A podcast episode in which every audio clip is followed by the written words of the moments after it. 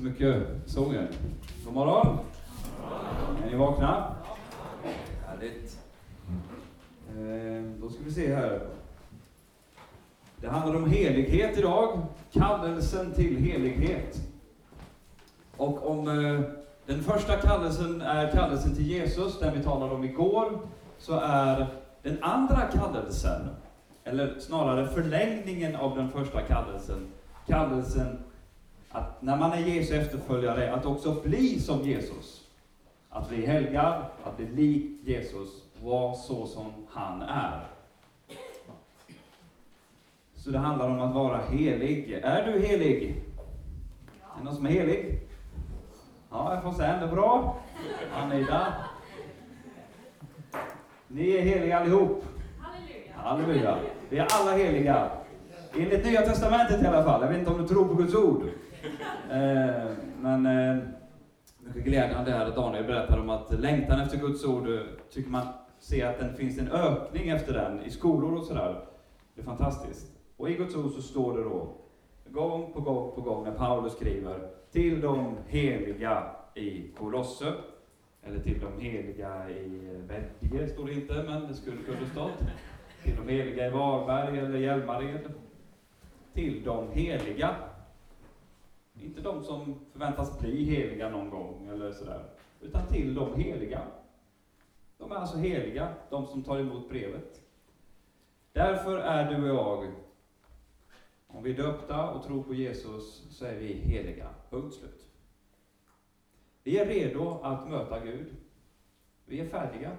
Rätta och färdiga. Rättfärdiga. Kan vi börja med att slå upp Romarbrevet 5, så ska vi få lite kvitto på det. Romarbrevet, Paulus brev till Rom. Romans. Mm. Ta ner den, så. Ta ner micken så. Bra. Etta, tvåa, trea. Romarbrevet 5.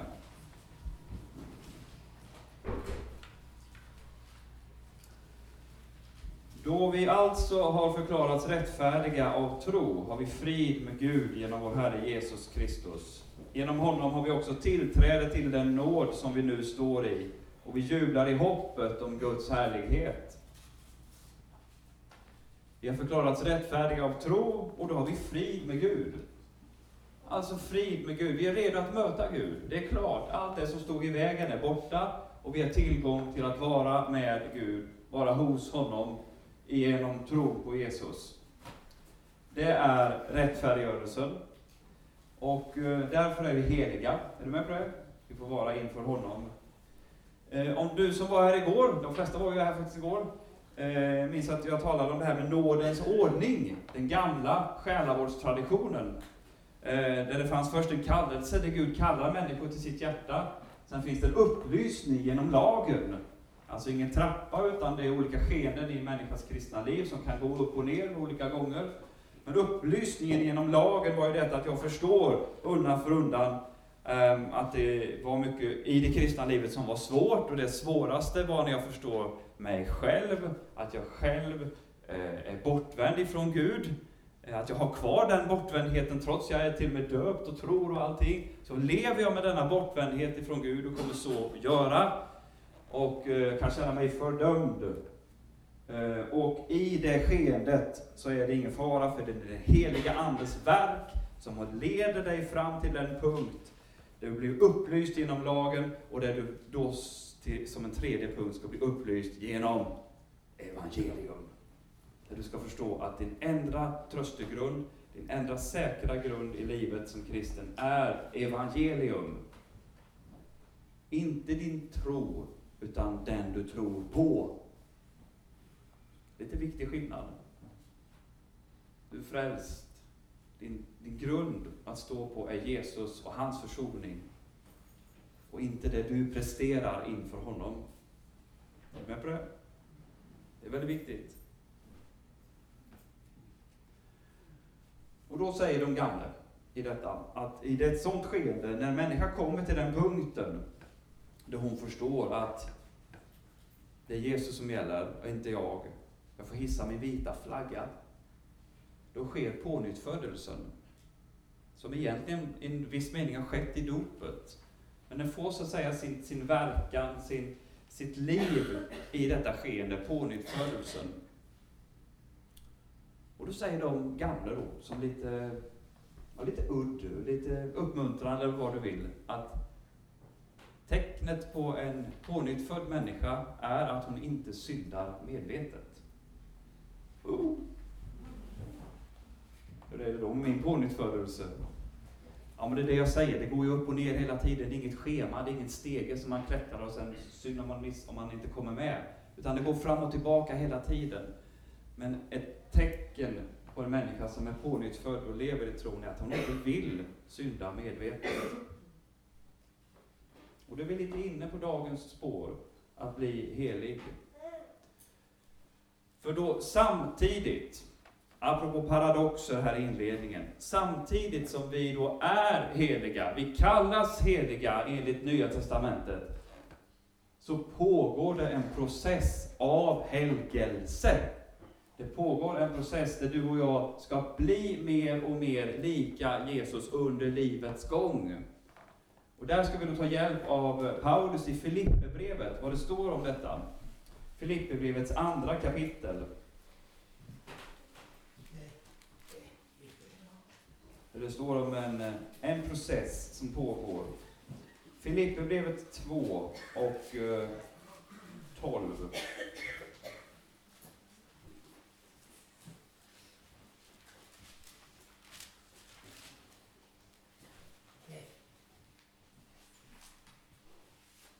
Har ni det? Därför, mina älskade, liksom ni alltid har varit lydiga, så arbeta med fruktan och bävan på er frälsning. Inte bara som när jag var hos er, utan ännu mycket mer nu när jag inte är hos er. Ty Gud är den som verkar i er, både vilja och gärning, för att hans goda vilja ska ske. Har du hört det någon gång förut?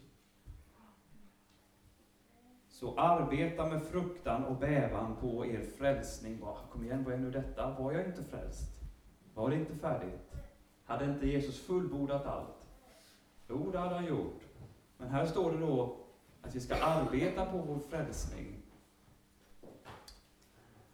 Frälsningen i kyrkans långa tradition innebär inte endast att jag får mina synder förlåtna, och är förklarad fri och rättfärdig inför Gud. Frälsningen gäller hela skapelsen, hela kosmos, gäller min ande, kropp och min själ. Frälsningen innebär att jag ska formas och bli den som Gud tänkte att jag skulle bli. För när jag blir en kristen så ska jag inte bli någon annan än den som det var tänkt att jag skulle bli.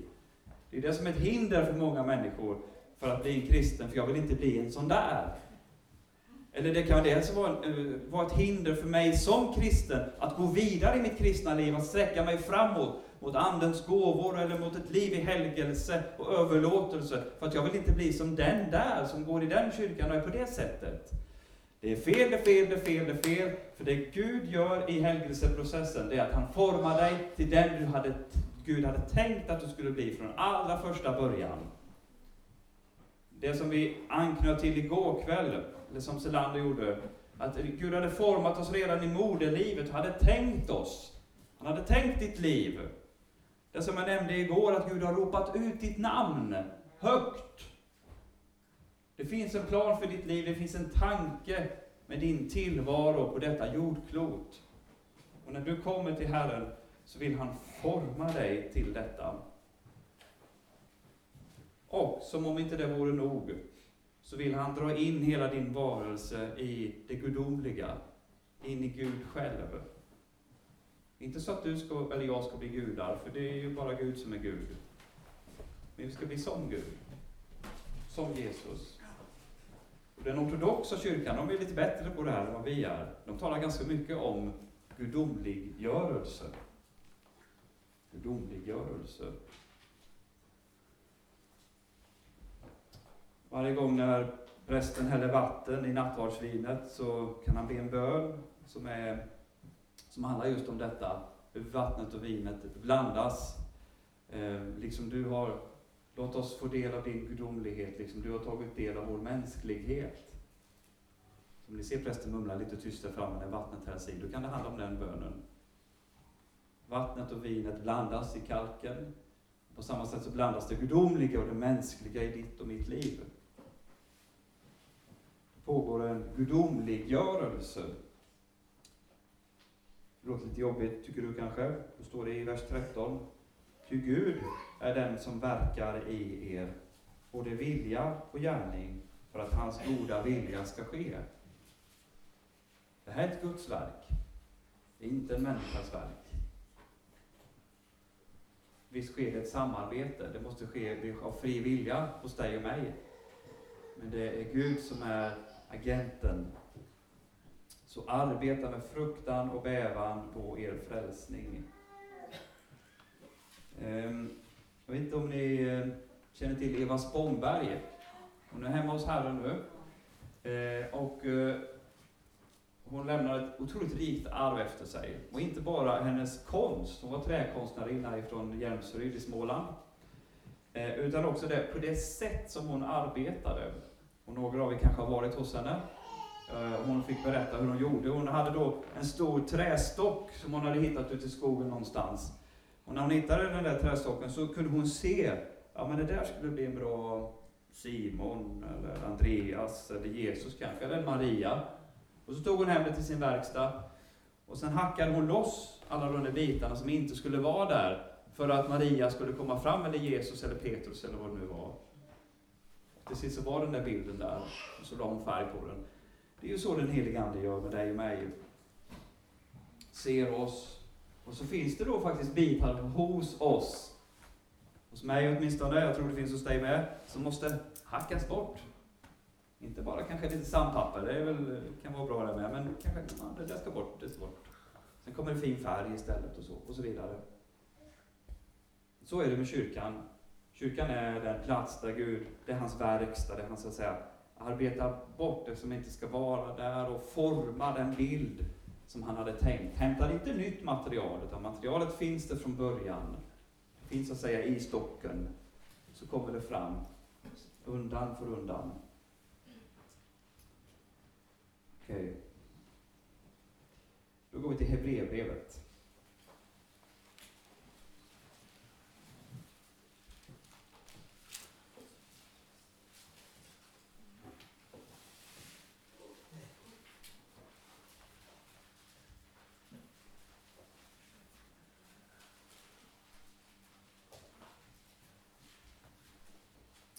Och innan eh, vi läser versen jag tänkte så ehm, ska vi då ta ordet, själva ordet som det handlar om denna morgon, helighet, eller helig i Nya Testamentet. På grekiska är det agios. Agios. Har ni varit i Hagia Sofia någon gång? Aldrig jag. Det var en kyrka en gång, nu är det en moské. Hagia, alltså heliga Sofia. Där har vi det.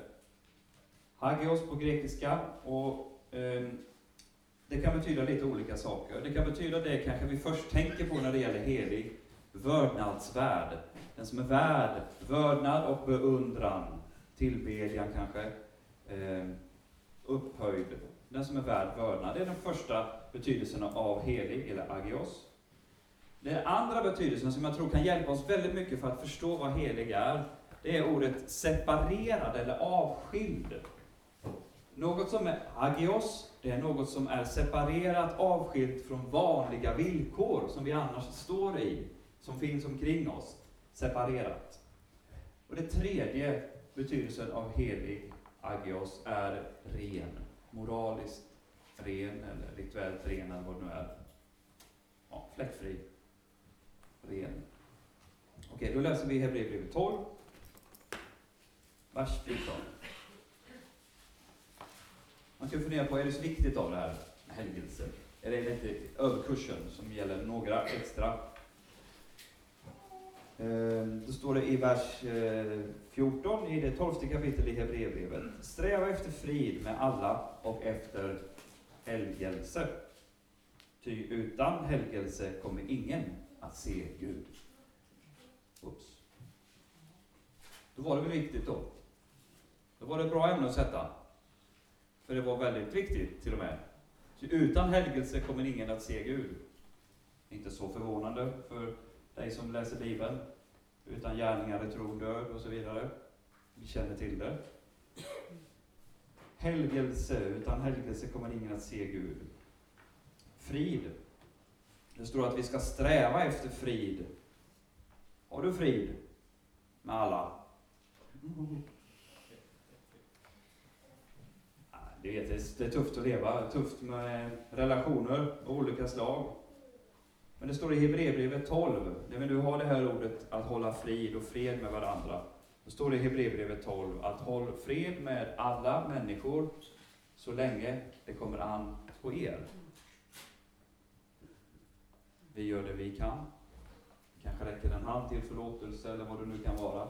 Vi gör det vi kan, sen kan vi inte göra mer, sen är vi fria. Det är vad ordet säger. Håll fred med varandra så länge det kommer an på er. Så den friden strävar vi efter. Eh, ordet frid här i grekiskan är eirene.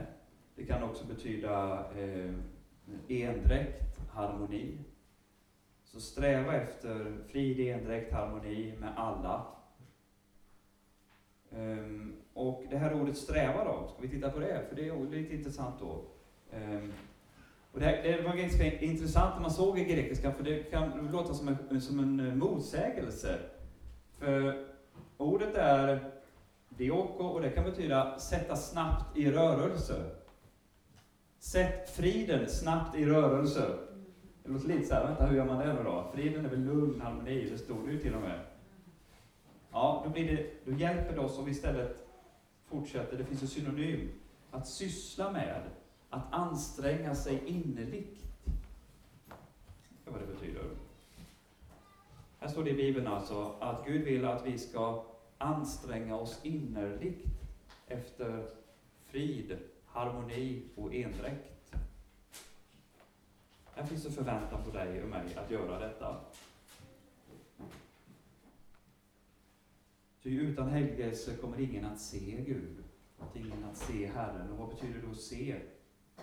Ja, grekiskans ord är orao, och det betyder att skåda, också se givetvis, som vi ser varandra nu. Men det kan också betyda i djupare mening, det här grekiska ordet, att få se Gud på det sättet att man, att man får en mer omedelbar gemenskap med honom. Att man får en närhet, att man får kunskap om honom. Och Det finns alltså ett sätt att se Gud, att närma sig Gud, att få kunskap om honom, som bara är, kan fås och erhållas i den mån man strävar efter frid och helgelse.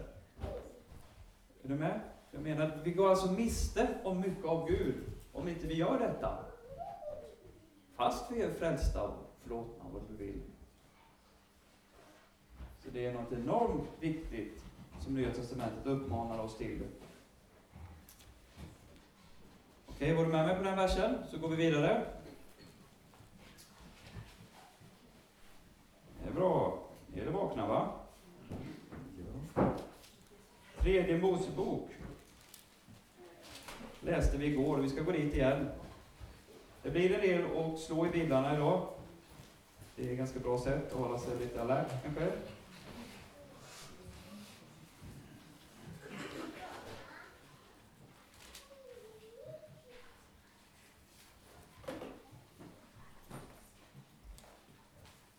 När det gäller betydelsen av helig och oss, så är det ju inte vördnadsvärd förstås. För det handlar ju om Gud. Men de två andra betydelserna gäller dig och mig när det gäller helig, nämligen att vara avskild, separerad från vanliga villkor. Och det andra, eller det tredje, förlåt, eh, den moraliska renheten. Båda de sakerna berör ju oss människor av kött och blod. Och då ska vi läsa versen som vi läste igår, eh, när Gud säger i tredje Mosebok 20, 26. Ni ska vara heliga inför mig, ty jag, Herren, är helig, och jag har avskilt er från andra folk för att ni ska tillhöra mig. Jag läser den en gång till, 2026. Ni ska vara heliga inför mig, ty jag, Herren, är helig, och jag har avskilt er från andra folk för att ni ska tillhöra mig.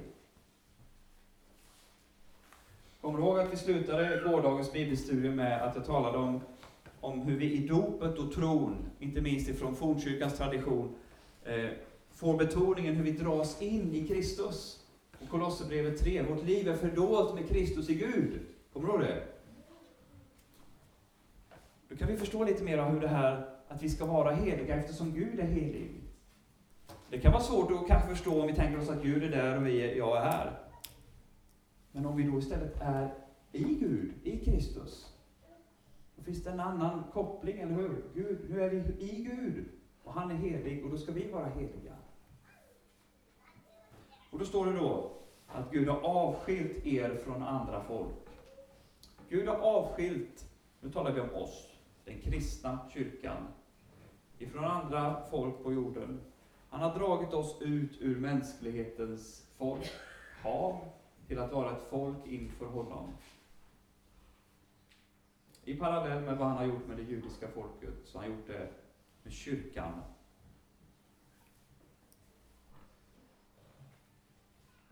Och om vi ser på på judarna så finns det ju mycket i Gamla Testamentet, inte minst Moseböckerna, som kan vara svårt att förstå och inte minst att applicera på våra liv.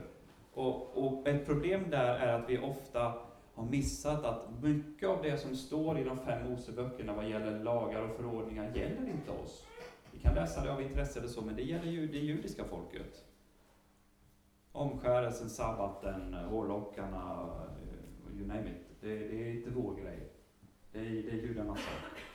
Det är deras förbund med Gud. Poängen med att de har de här tecknena är att Gud har märkt ut dem så att de ska synas. Att de är Eh, ett utvalt folk bland alla andra folk för en speciell uppgift. De är annorlunda. Det är också därför det judiska folket har fått lida så enormt mycket under sin existens, för att de har varit annorlunda. Ni vet hur svårt vi har med det som är annorlunda. Och här tror jag vi kommer in på någonting som gör det ofta väldigt svårt för dig och mig att ta detta på helgelse med allvar. Speciellt när det börjar bränna till. För vi vill inte vara annorlunda. Vi vill vara som de andra.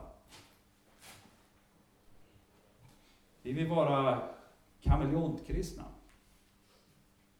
Kameleontkristna ändrar färg efter omgivningen.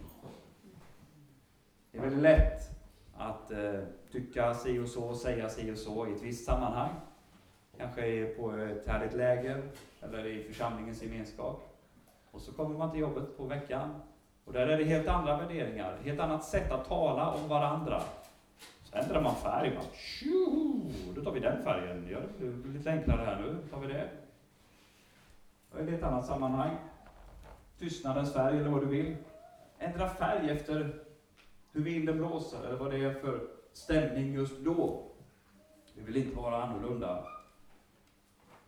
Vi har inga sådana yttre tecken som det judiska folket har. Det finns andra tecken på oss. Men Gud vill att vi ska vara ett avskilt folk, ett speciellt folk, som det syns på vem vi tillhör. Okej, okay, men hur i all sin dag ska vi då göra detta? Hur ska det vara möjligt? Är inte detta omöjligt? Det finns några punkter då som jag tänkte gå igenom, som jag tror ändå kan hjälpa oss på helgelsens väg. Det är inget nytt då, det står ju i Bibeln. Jag har läst om det. Och eh, om jag får återvända bara kort till den gamla nådens ordning, så har vi först kallelsen, vi har upplysningen genom lagen, vi har upplysningen genom evangelium, vi har pånyttfödelsen och sen kommer den sista punkten, rätt och slätt rubrik helgelsen, resten av livet. Så det här är inget nytt påfund. Hur ska du och jag göra för att kunna leva ett heligt liv? Vad kan vi få för hjälp på helgelsens väg? Och det som många har på sin arm, What would Jesus do? Ett underbart, underbart devis att ge och att ha och att tänka på. Men hur ska det kunna bli verkligt? Finns det någon hjälp att få? Ja, det finns det. Halleluja. Det första och det allra, allra, allra, allra, allra viktigaste för dig som vill gå på helgelsens väg, det är att hålla Gud helig. Att hålla Gud helig, att aldrig tumma på det. Eh, och det behöver verkligen sägas i vår tid, för det finns så mycket i, eh, i kristet liv, i, i kristenhet i västvärlden, som just tummar på denna punkt, att Gud är helig. Och så blir han då istället trevlig. Gud är helig, och det står så mycket om det i Bibeln. Gång på gång. Första Petrusbrevet, ni ska hålla Kristus helig i era hjärtan. Och nu ska vi gå till Saltaren 86. Saltaren 86.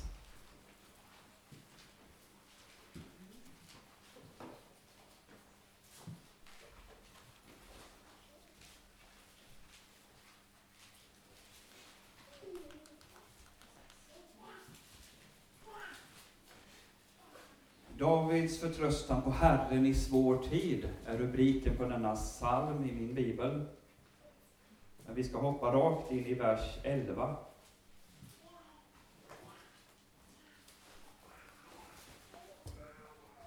Visa mig, Herre, din väg. Jag vill vandra i din sanning. Bevara mitt hjärta vid detta enda, att jag fruktar ditt namn.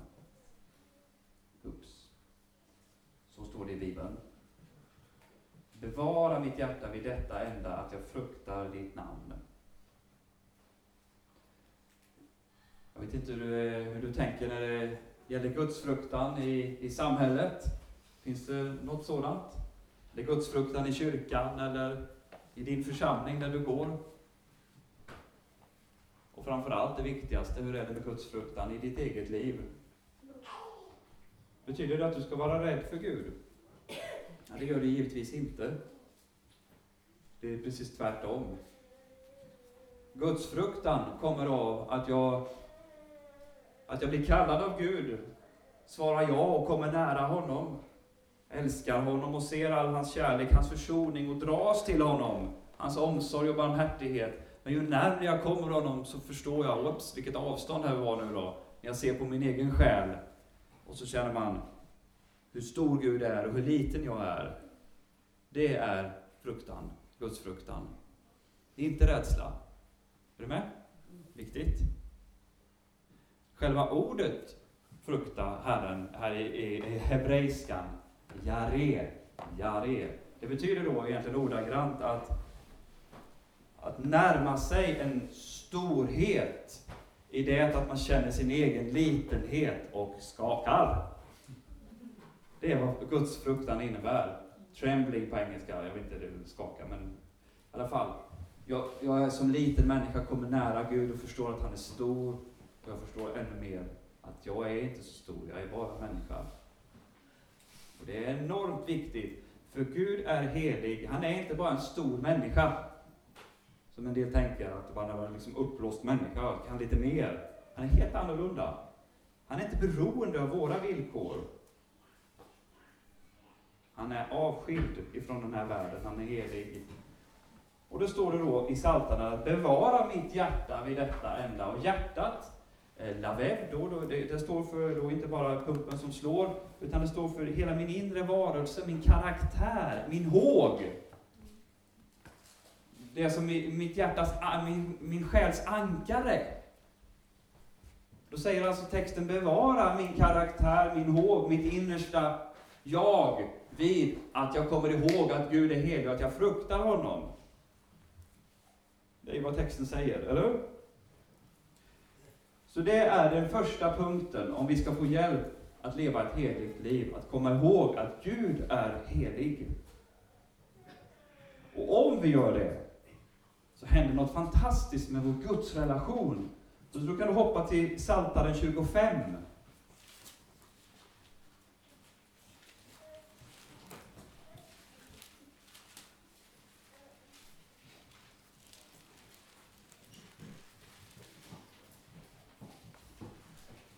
Psaltaren 25, vers 14 talar just om detta.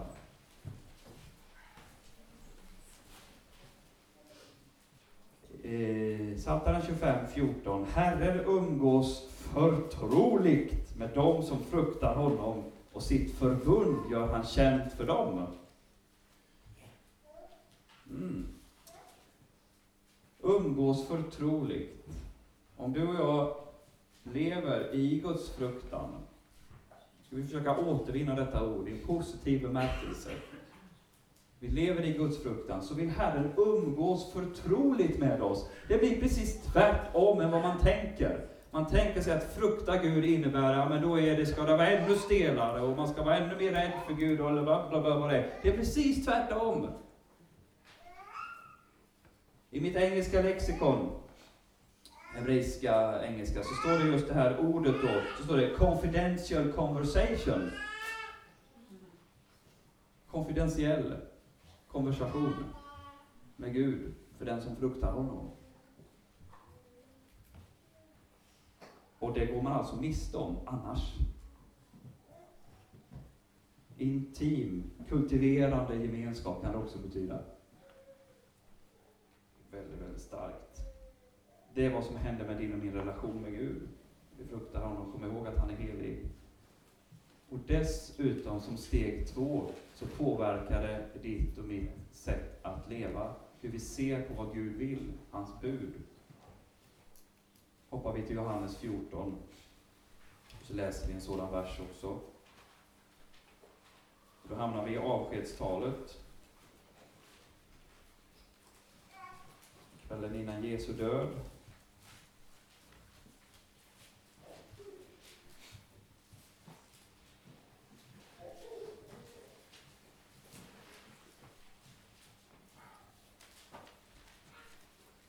Om ni älskar mig håller ni fast vid mina bud. Jag älskar Gud och kommer nära honom och upplever och förstår Guds fruktan så blir jag mer benägen att hålla hans bud. Alltså, jag liknar mer och mer Jesus. Jag gör som han vill. Men det förstår vi alla att det så sker det ju verkligen inte alltid. Vi behöver be om förlåtelse varje dag och lägga vårt liv i korsets fot. Ta emot försoningen.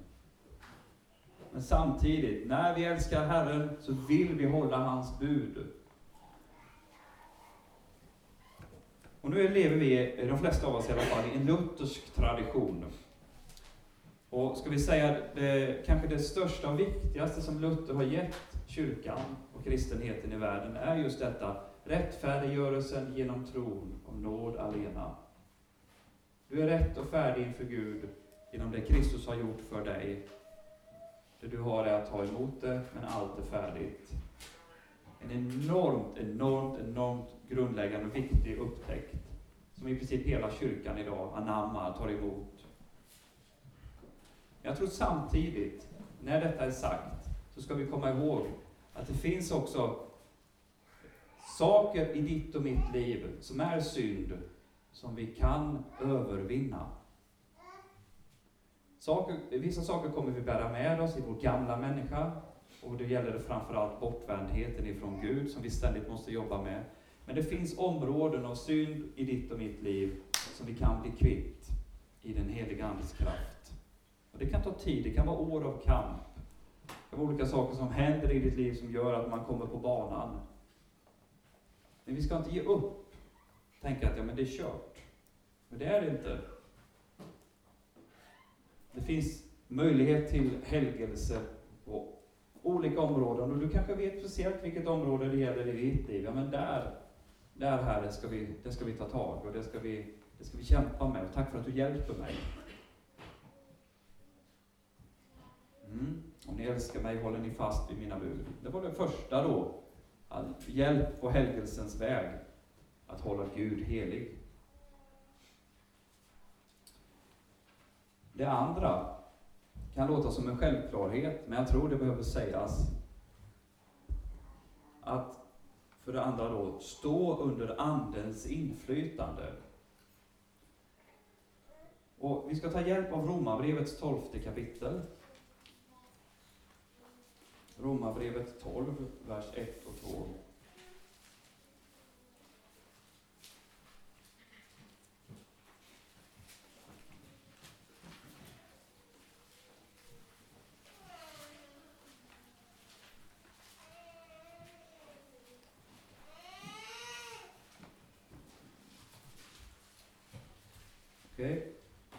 så förmanar jag nu er bröder vid Guds barmhärtighet att frambära era kroppar som ett levande och heligt offer som behagar Gud, er andliga gudstjänst. Och anpassa er inte efter den här världen, utan låt er förvandlas genom sinnets förnyelse, så att ni kan pröva vad som är Guds vilja, det som är gott och fullkomligt och som behagar honom. För det första är det underbart att det står frambär era kroppar. Vi lever i en kultur eh, som är ibland en, en kristen eller religiös kultur, om du så vill, som betonar mycket, mycket, mycket det andliga. Men det är ju gnostiskt influerat. Men eh, Bibeln eh, och kristen tro är väldigt fysisk. Frambär era kroppar, ande, kropp och själ.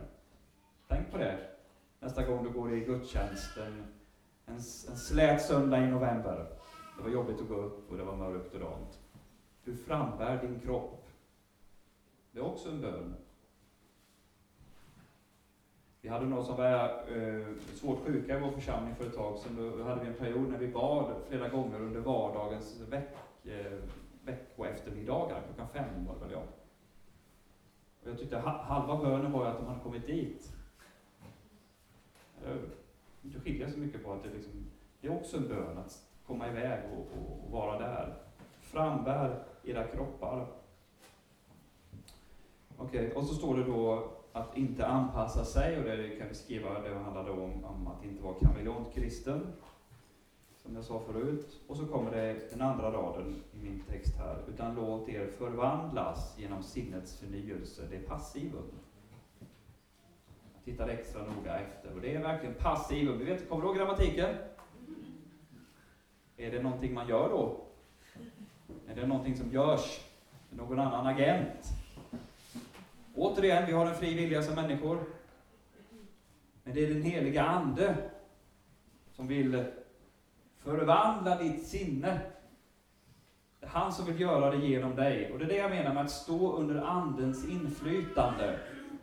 Hur gör, hur gör man när man står under Andens inflytande? Jo, och då kommer det ett citat, och jag är inte från västkusten, jag är smålänning som jag sa. Men jag har lärt mig en del på västkusten, och ett underbart citat av de gamla kyrkliga fäderna eh, på västkusten, det är att utsätta sig för Guds ord. Har du hört det? Att utsätta sig för Guds ord. Det är att stå under Andens inflytande, bland annat. Det vi gör just nu. Utsätter oss för Guds ord. Att gå i mässan, nattvarden, att ta emot Kristi kropp och blod. Att samlas i bönegruppen, cellgruppen. Att öppna din bibel. Ja, vad du vill. Det som, det som när vår själ. Mycket enkla, vardagliga, gamla, gamla saker som du har hört förut. Men det är att stå under Andens inflytande. Och då sker det där att ditt sinne förvandlas. Och det, det är ingen slump att det står att sinnets förvandling, för det är oftast där som det börjar när vi går bort ifrån Gud och gör det han inte vill att vi ska göra. Det är därför Jesus säger också att det räcker att du ser på en kvinna med åtrå så har du redan brutit hennes äktenskap. Så, så det börjar i sinnet och sinnet vill Anden förvandla åt oss när vi står under Andens inflytande. Frälsningens hjälm hjälper oss. Är du med? Och då sker det någonting med dig som gör det som vill stå på den platsen under Andens inflytande. Det börjar växa. Du, växer, du tänker inte att du växer på längden eller på bredden eller vad det nu är. Utan det börjar växa frukt på ditt livsträd. Galaterbrevet 5 kan vi gå till.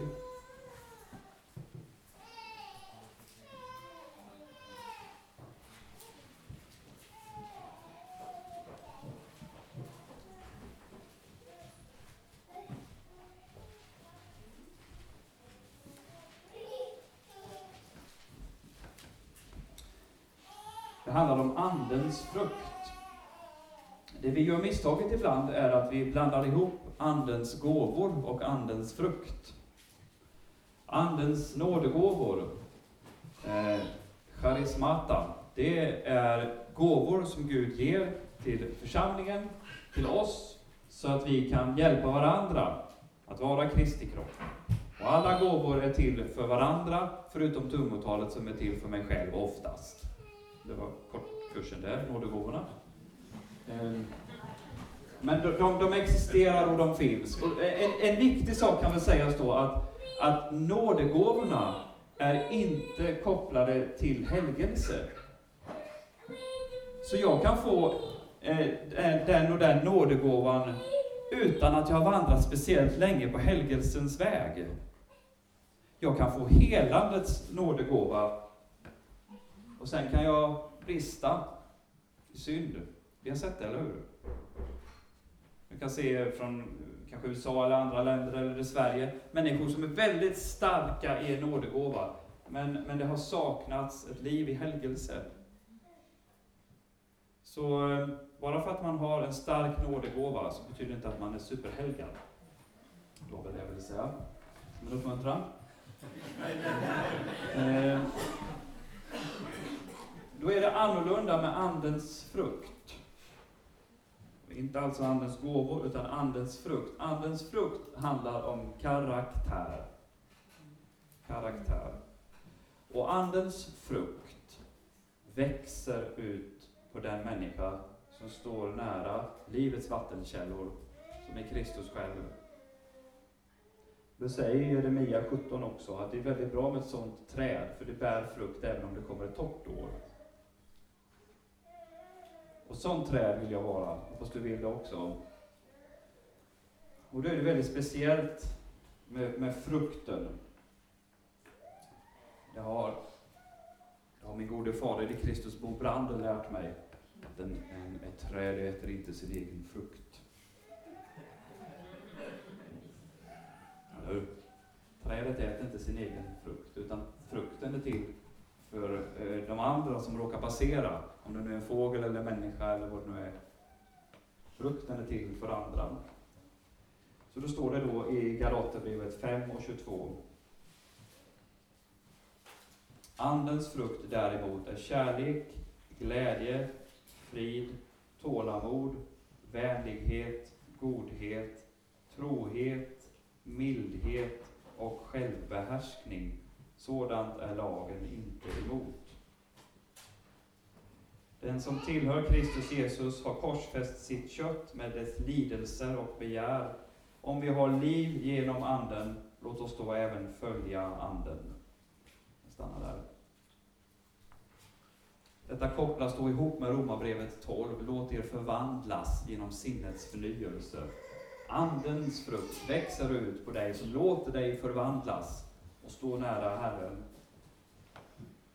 Och då kan, vi tänka, då kan du tänka som du, jag kan, du kanske kan tänka som jag när du läser den här texten, att ja, men, hjälp, vad är detta? Det är så långt ifrån mig som det går. Eh, speciellt vissa ord då kanske man kan känna att det här var väldigt självbehärskning, hur är det med det? Till exempel. Då kan det vara sådana saker som poppar upp. Och sen så känner man, ja men då rör det inte mig. Men jag vill uppmuntra dig, tänk inte så. Tänk istället, om det nu är Anden som är en del av Gud, den helige Ande, om det är han som är agent, han som vill göra det genom dig, ja men då kanske det är möjligt. Om du är öppen för detta. Och ta bort ordet kanske, det är fullt möjligt också för dig. Det finns områden du kan övervinna och du kan undan för undan gå vidare i detta och få bli en helgad människa i Jesu namn. Okej, okay, det var den andra punkten. Första punkten var att hålla Gud helig. Den andra det var att stå under Andens inflytande. Den tredje punkten som jag tror kan hjälpa dig och mig att leva ett heligt liv, det är att ständigt komma ihåg och ha klart för sina ögon att en dag så kommer Jesus tillbaka. En dag så kommer han eh, låta himlen spricka upp och så stiger han ner och kommer stå med sina fötter på Livberget i Jerusalem. Och så börjar han sitt rike här på jorden. Och det som då händer, det är ju att du och jag ska stå till svars för våra liv. Hur blev det? Hur förvaltade vi vårt pund? Hur gick det med talenten? Och framförallt ska han ju se om det finns någon tro på jorden. Men det där, mina vänner, är verkligen viktigt att kyrkan håller levande. För det hjälper oss bland annat att vara beredda. Jesus tar ju en rolig liknelse en gång. Om, om man visste när tjuven bryter sig in, det är klart man skulle vara på tårna och vara på sin vakt. Han liknar sig själv vid en tjuv. Ska du gå till först andra Petrusbrevet med mig? Andra Petrusbrevet. Kapitel 3.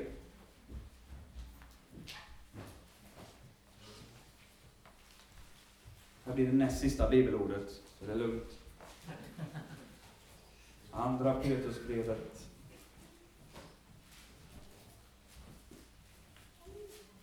Det här är en eh, eh, bland de sista böckerna som blev accepterade in i Nya Testamentets kanon, alltså det som är, det är den erkända längden av Nya Testamentets böcker. Det skedde ganska, bland det sista i den här processen, när kyrkan då till sist eh, avgjorde under den heliga Andes ledning. Vet ni vilka tre saker som var mest betydelsefulla i urkyrkan när eh, man skulle säga slå ner pålarna för att stadfästa vad kristen tro är och framförallt att kyrkan skulle bli bevarad? Det är tre, det är tre saker som man beslutar om. Det ena har jag ju redan avslöjat då, Nya Testamentet, vilka böcker det är. Vilka är det andra? Vad förslag? Trosbekännelsen. Eh, den apostoliska, den som vi använder vid dop, använder vid dop bland annat, oftast på gudstjänsten. Och så var det en tredje grej. Tala i egen sak. Ämbetet. Det var de, eh, framförallt biskopsämbetet då, skulle hålla ihop. Ämbetet, trosbekännelsen och Bibeln, Nya Testamentet. Det får vi väl se som en parentes, det jag sa nu. För nu skulle vi läsa om Kristi återkomst. Andra Petrusbrevet 3 och 10.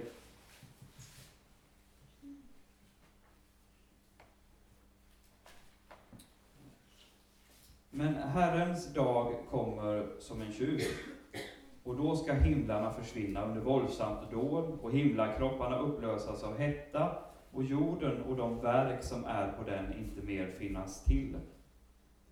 Då nu allt detta går mot sin upplösning, hur heligt och gudfruktigt ska ni då inte leva. Medan ni väntar på Guds dag och påskyndar dess ankomst, den dag som får himlar att upplösas i eld och himlakroppar att smälta av hetta. Men nya himlar och en ny jord där rättfärdighet bor väntar vi på efter hans löfte. Ja, det stod ju till och med i Bibeln, jag sa. Då nu allt detta går mot sin upplösning, hur heligt och gudfruktigt ska ni då inte leva? Ska liksom inte tappa i iver, i innerligheten att leva detta liv. En dag kommer han, och det gör han faktiskt oavsett vad du och jag tycker om det. Och det är inte säkert att han tajmar in precis det du har tänkt. Det kan ju vara så att han har en, kommer när han vill, själv. Mm. Det var bara en tredje punkt då. Väldigt viktig. Då kommer vi till den fjärde och sista punkten. Hur klarar vi att leva ett heligt liv? Då är det att vi alltid kommer ihåg att nåden är trots allt grunden för det här livet som vi försöker leva. Så vi behöver påminnas om det, så att säga, både i början och slutet att när vi lever ett heligt liv så är det nåden som vi står på och det är nåden i Kristus som vi alltid återvänder till. Eh, för du som vill försöka leva ett heligt liv kommer ju många gånger behöva ta hjälp av nåden och försoningen och kanske biktprästens ord, eller vad det nu kan vara. Hebreerbrevet 4. Det som är så fantastiskt med Jesus är ju att förutom att han har försonat hela världen med sig, med Gud, är ju att han var som en av, vi, av oss och har liksom levt vårt liv, han har trampat på våra vägar och sådär. Och, och därför så har han ju varit i de situationerna som du och jag möter. Vi läser om det i Hebreerbrevet 4, och 15 och 16. Ty vi har inte en överste präst som ej kan ha medlidande med våra svagheter, utan en som blev frestad i allt, liksom vi, men utan synd. Låt oss därför frimodigt gå fram till nådens tron för att få barmhärtighet och finna nåd till hjälp i rätt tid.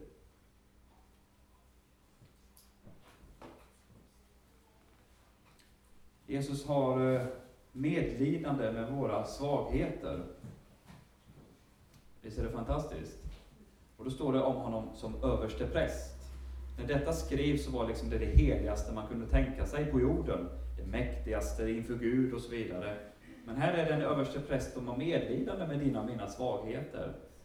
Och du kanske känner till vad översteprästen hade för jobb. Vi har olika liksom, arbetsbeskrivning. Men översteprästens arbetsbeskrivning handlade ju framför allt om att eh, en gång per år få gå in flera gånger under denna dag, fram och tillbaka, in i det allra, allra heligaste Jerusalems tempel med blodet för att försona människornas synd, Guds folks synd. De omedvetna dessutom, vad det handlade om. Det var hans arbete. Så det, vi kallar Jesus sig själv som överste präst. Och är du med på den analogin, här liknelsen, att Jesus är vår överste präst. Han tar med sig, inte någon, något djurs blod, utan sitt eget blod in i det allra heligaste, in i Guds hjärta. Och där bär han dina och mina synder. Det är han som har medlidande med våra svagheter. Han blir frestad i allt. Så när du kommer till honom och så säger du, ja men jag, det var den här och den här frestelsen, det var så här, och Jesus säger, ja men jag vet, jag vet precis. Jag vet hur det är. Ja, vet du? Ja, jag vet det. Okej. Okay. Det gäller allting. Det gäller till och med internet. Det är sant. Vi tror ju på en Gud som är Gud, eller hur? Han frestas på alla sätt. Fast han föll inte. Han föll aldrig synd, utan bär sitt rena liv. Och då står det då i vers 16, låt oss därför frimodigt, och det ordet hjälper oss väl, för det i grunden betyder det utan rädsla. Det finns så mycket rädsla, och det, det, det är väldigt, väldigt svårt när rädsla får smyga sig in även i vår gudsrelation. Är det någon du inte ska vara rädd för så är det Gud. Honom får du komma till utan rädsla. Du kan komma frimodigt för att få barmhärtighet. Och när du gör det så, så kan du frimodigt vandra vidare på helvetsens väg. Vi stannar väl där, tror jag.